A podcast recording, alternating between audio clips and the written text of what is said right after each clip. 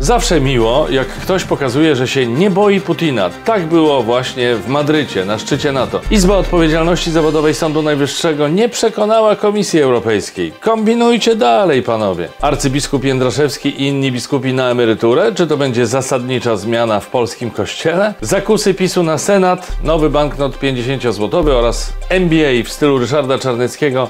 O tym m.in. będzie w tym wydaniu w telegraficznym skrócie, w skrócie WTS, niedziela 3 lipca. Maciej Orłoś, zaczynamy.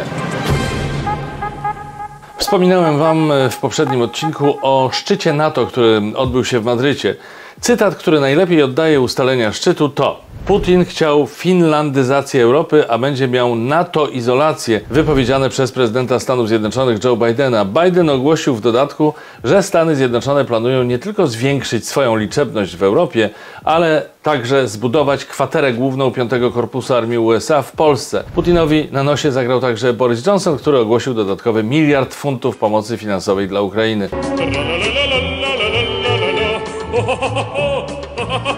Będzie to podwojenie dotychczasowego budżetu, który Brytyjczycy przeznaczyli na pomoc Ukrainie w odparciu inwazji rosyjskiej. Wszystko to ogromne liczby, ale jak podczas szczytu NATO podliczył prezydent Ukrainy, miesięczny koszt utrzymania obrony przed rosyjskimi wojskami to około 5 miliardów dolarów.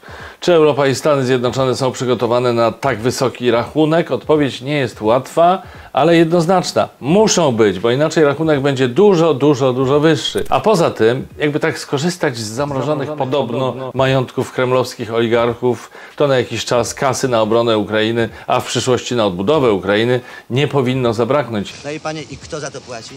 Inaczej mówiąc, nie wyobrażam sobie, żeby w przyszłości, oby jak najbliższej, za to wszystko miał nie zapłacić Kreml, w sensie dosłownym i w przenośni. No, już się tak cieszyliśmy z tych pieniędzy unijnych, z planu odbudowy, a tu się plan polskich władz, y, aby Unię wykiwać, nieco sypie. Co to się stanęło? Jak stwierdziła w Parlamencie Europejskim wiceprzewodnicząca Komisji Europejskiej Vera Jourowa, Reforma wymiaru sprawiedliwości w ciężkich bojach wywalczona między Kaczyńskim a Ziobro oraz klepnięta przez prezydenta Dudę nie spełnia tak zwanych kamieni milowych planu naprawczego ustalonego z komisją. No naprawdę, już byli w ogródku, już witali się z gąską i niestety, to po realizacji tych kamieni milowych miała nastąpić wypłata środków unijnych dla Polski. Chodzi o podpisaną w czerwcu nowelizację ustawy o Sądzie Najwyższym, którą niby przygotował prezydent Andrzej Duda, ale i tak wszyscy wiemy, że jej założenia przyszły prosto skąd? Z Nowogrodzkiej oczywiście. Jej przyjęcie było jednym z warunków porozumienia z Brukselą do odblokowania wypłat z Krajowego Planu Odbudowy. Nowa ustawa jest swego rodzaju rebrandingiem, bo najbardziej widoczną zmianą jest zmiana nazwy Izby Dyscyplinarnej Sądu Najwyższego na Izbę Odpowiedzialności Zawodowej. Z dniem wejścia w życie ustawy Izba Dyscyplinarna będzie zlikwidowana, ale jej sędziowie będą mogli orzekać w innych izbach Sądu Najwyższego lub przejść w stan spoczynku. Żeby jednak było zabawniej, to wraz z likwidacją Izby Dyscyplinarnej nie zostaną unieważnione dotychczasowe wyroki tego gremium. Nowa Izba, tym razem odpowiedzialności zawodowej, będzie miała 11 sędziów Sądu Najwyższego. Żeby Komisji Europejskiej już kompletnie zamotać sprawę, to PiS wymyślił sobie następującą procedurę wyboru sędziów do nowej, starej Izby. Z grona 90 sędziów Sądu Najwyższego, w tym tych powołanych niezgodnie z Konstytucją, zostanie wybranych 33 kandydatów, a z nich prezydent, czytaj prezes, wybierze 11 członków Izby. Jakakolwiek ta nowa Izba miałaby być, to komisja ani myśli zgadzać się na taką chucpę, przynajmniej na razie. Nowelizacja ustawy przedstawiona przez prezydenta Dudę zakłada też wprowadzenie tak zwanego testu niezależności i bezstronności sędziego, dzięki któremu ma się weryfikować wszelkie zastrzeżenia wobec sędziego. Każda osoba biorąca udział w procesie sądowym będzie miała prawo wystąpienia do sądu, by ten zbadał jego zastrzeżenia do sędziego jego sprawy. Nie wiem jak wy, ale ja niedługo, bo już za kilka tygodni, wybieram się na wakacje. Idealną rozrywką podczas podróży są dla mnie audiobooki. Jak być może już wiecie, współpracuję z aplikacją BookBeat, w której możecie znaleźć bardzo dużo bardzo ciekawych propozycji literackich. No i postanowiłem zrobić Wam tu krótką listę polecanych audiobooków na wakacje i nie tylko oczywiście. Na początek proces autorstwa Franca Kawki.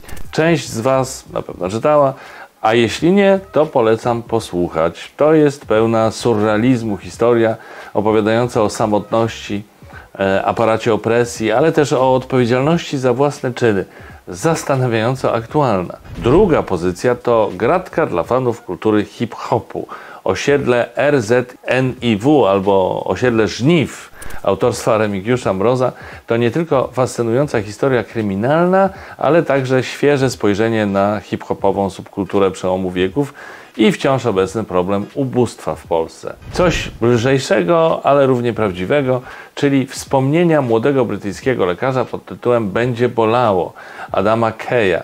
97-godzinny tydzień pracy, masa absurdów i niskie wynagrodzenie, a to wszystko w tragikomicznej oprawie. I ostatnia, nie mniej ciekawa propozycja to Dom Gucci, czyli znana z hitowej ekranizacji historia rodziny Gucci, autorstwa Sary Gay Forden. Wszystkie te pozycje i wiele innych znajdziecie w aplikacji BookBeat. Przygotowałem dla Was nawet kod rabatowy. Z kodem WTS otrzymacie 30 dni darmowego dostępu do aplikacji BookBeat w pakiecie premium dla nowych użytkowników. Link i szczegóły w opisie filmu. Dużo czasu na słuchanie i czytanie książek z pewnością znajdzie niedługo część y, polskich biskupów. W polskim episkopacie szykuje się spektakularna zmiana warty.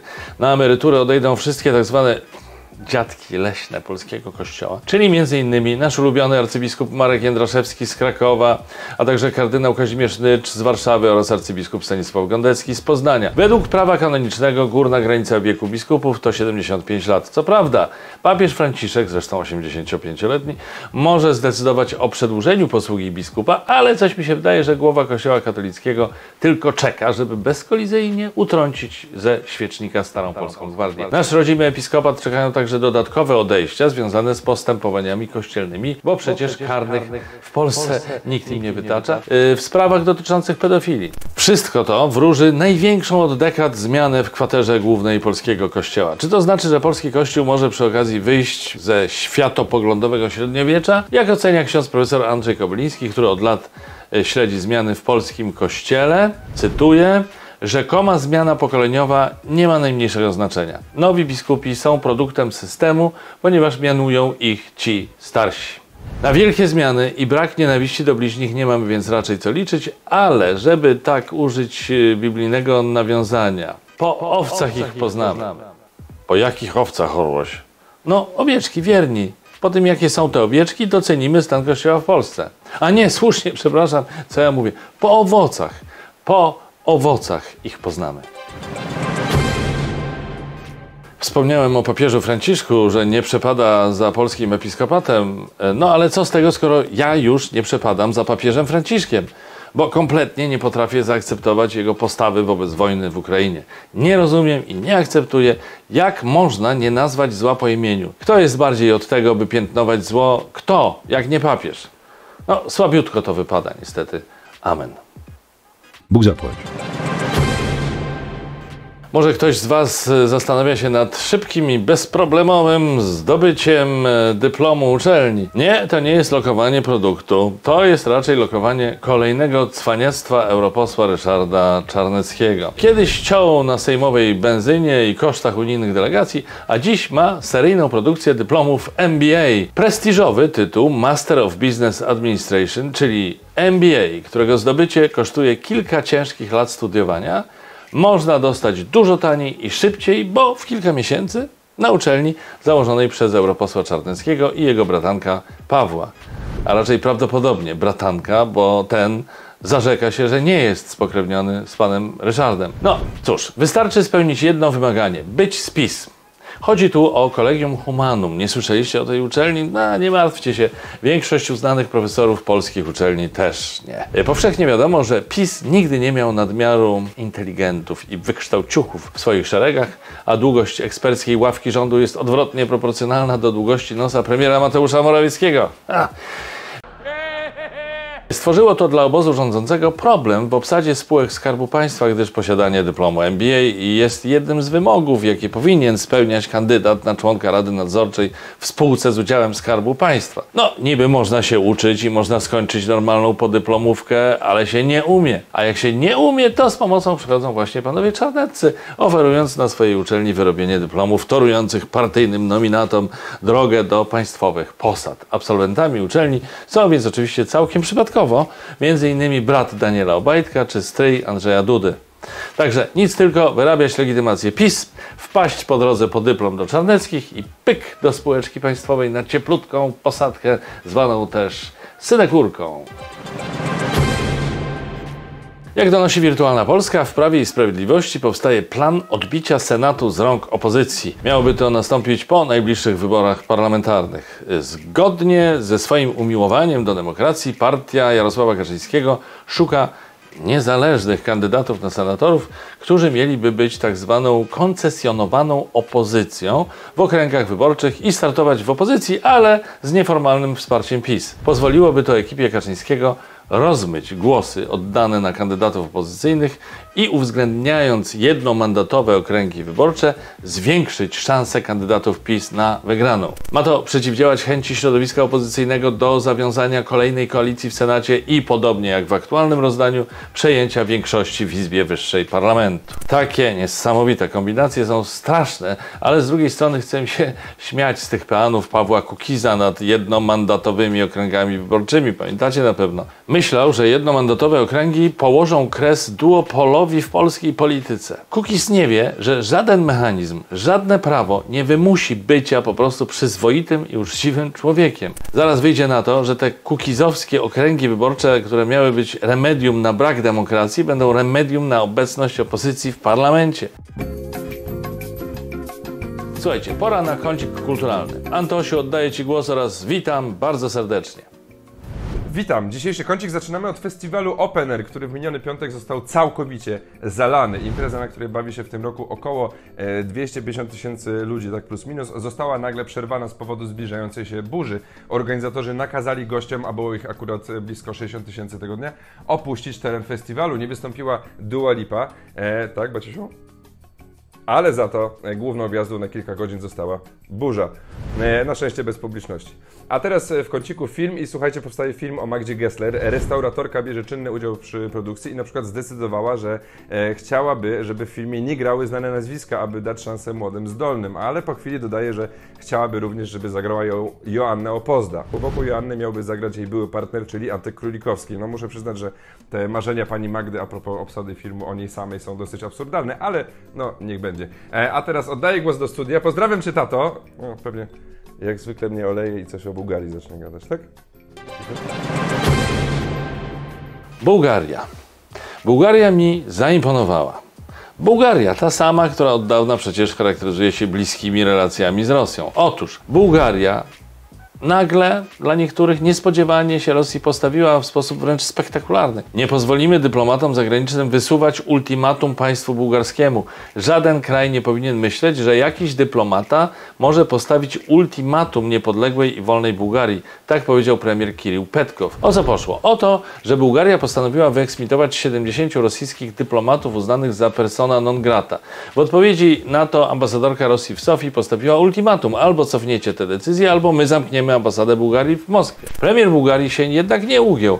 Kirill Petkow, znany jest zresztą z twardej postawy. W lutym zdymisjonował swojego ministra obrony za odmowę nazywania inwazji na Ukrainę wojną. Później poparł sankcje Unii Europejskiej wobec Moskwy, odmówił płacenia za dostawy rosyjskiego gazu w rublach, przyjął ukraińskich uchodźców i zgodził się, aby Bułgaria naprawiała ukraiński sprzęt wojskowy. No i wszystko wskazuje na to, że w przeciwieństwie do niektórych nie wydzwania do Putina. Hello, darkness, my old friend. I've come to talk with you again. Tak więc może ta ostatnia decyzja wcale nie jest żadnym zaskoczeniem. No dobrze, przypominam Wam o tym, że można do mnie pisać mailem na adres okiemorłosia.gmail.com, oczywiście bez polskich znaków. Będę wybierał najciekawsze i na nie odpowiadał w WTS. Na zakończenie e, coś na temat inflacji, która oczywiście wesoła nie jest, bo jak miałaby być, skoro sięga kilkunastu procent, a ma być coraz gorzej. I wygląda na to, że mamy kolejny sygnał, że jest bardzo źle. W internecie znalazłem informację, że mamy nowy banknot. Oto on. To jest, słuchajcie, nowy banknot 50-złotowy. Nie jest dobrze. Pamiętajcie tymczasem o subach, lajkach, komentarzach, obserwowaniu, udostępnianiu, podkreślam, udostępnianiu. To jest ważne. Może się kiedyś przez tę bańkę przebijemy na drugą stronę, niczym bohaterowie serialu Stranger Things. Namawiam też do zostania patronem, patronką WTS-u, a tych, którzy już patronują WTS-owi serdecznie pozdrawiam i za wszystko bardzo dziękuję. Dziękuję też za uwagę. Następny WTS już w czwartek. Do zobaczenia. Trzymajcie się. Cześć.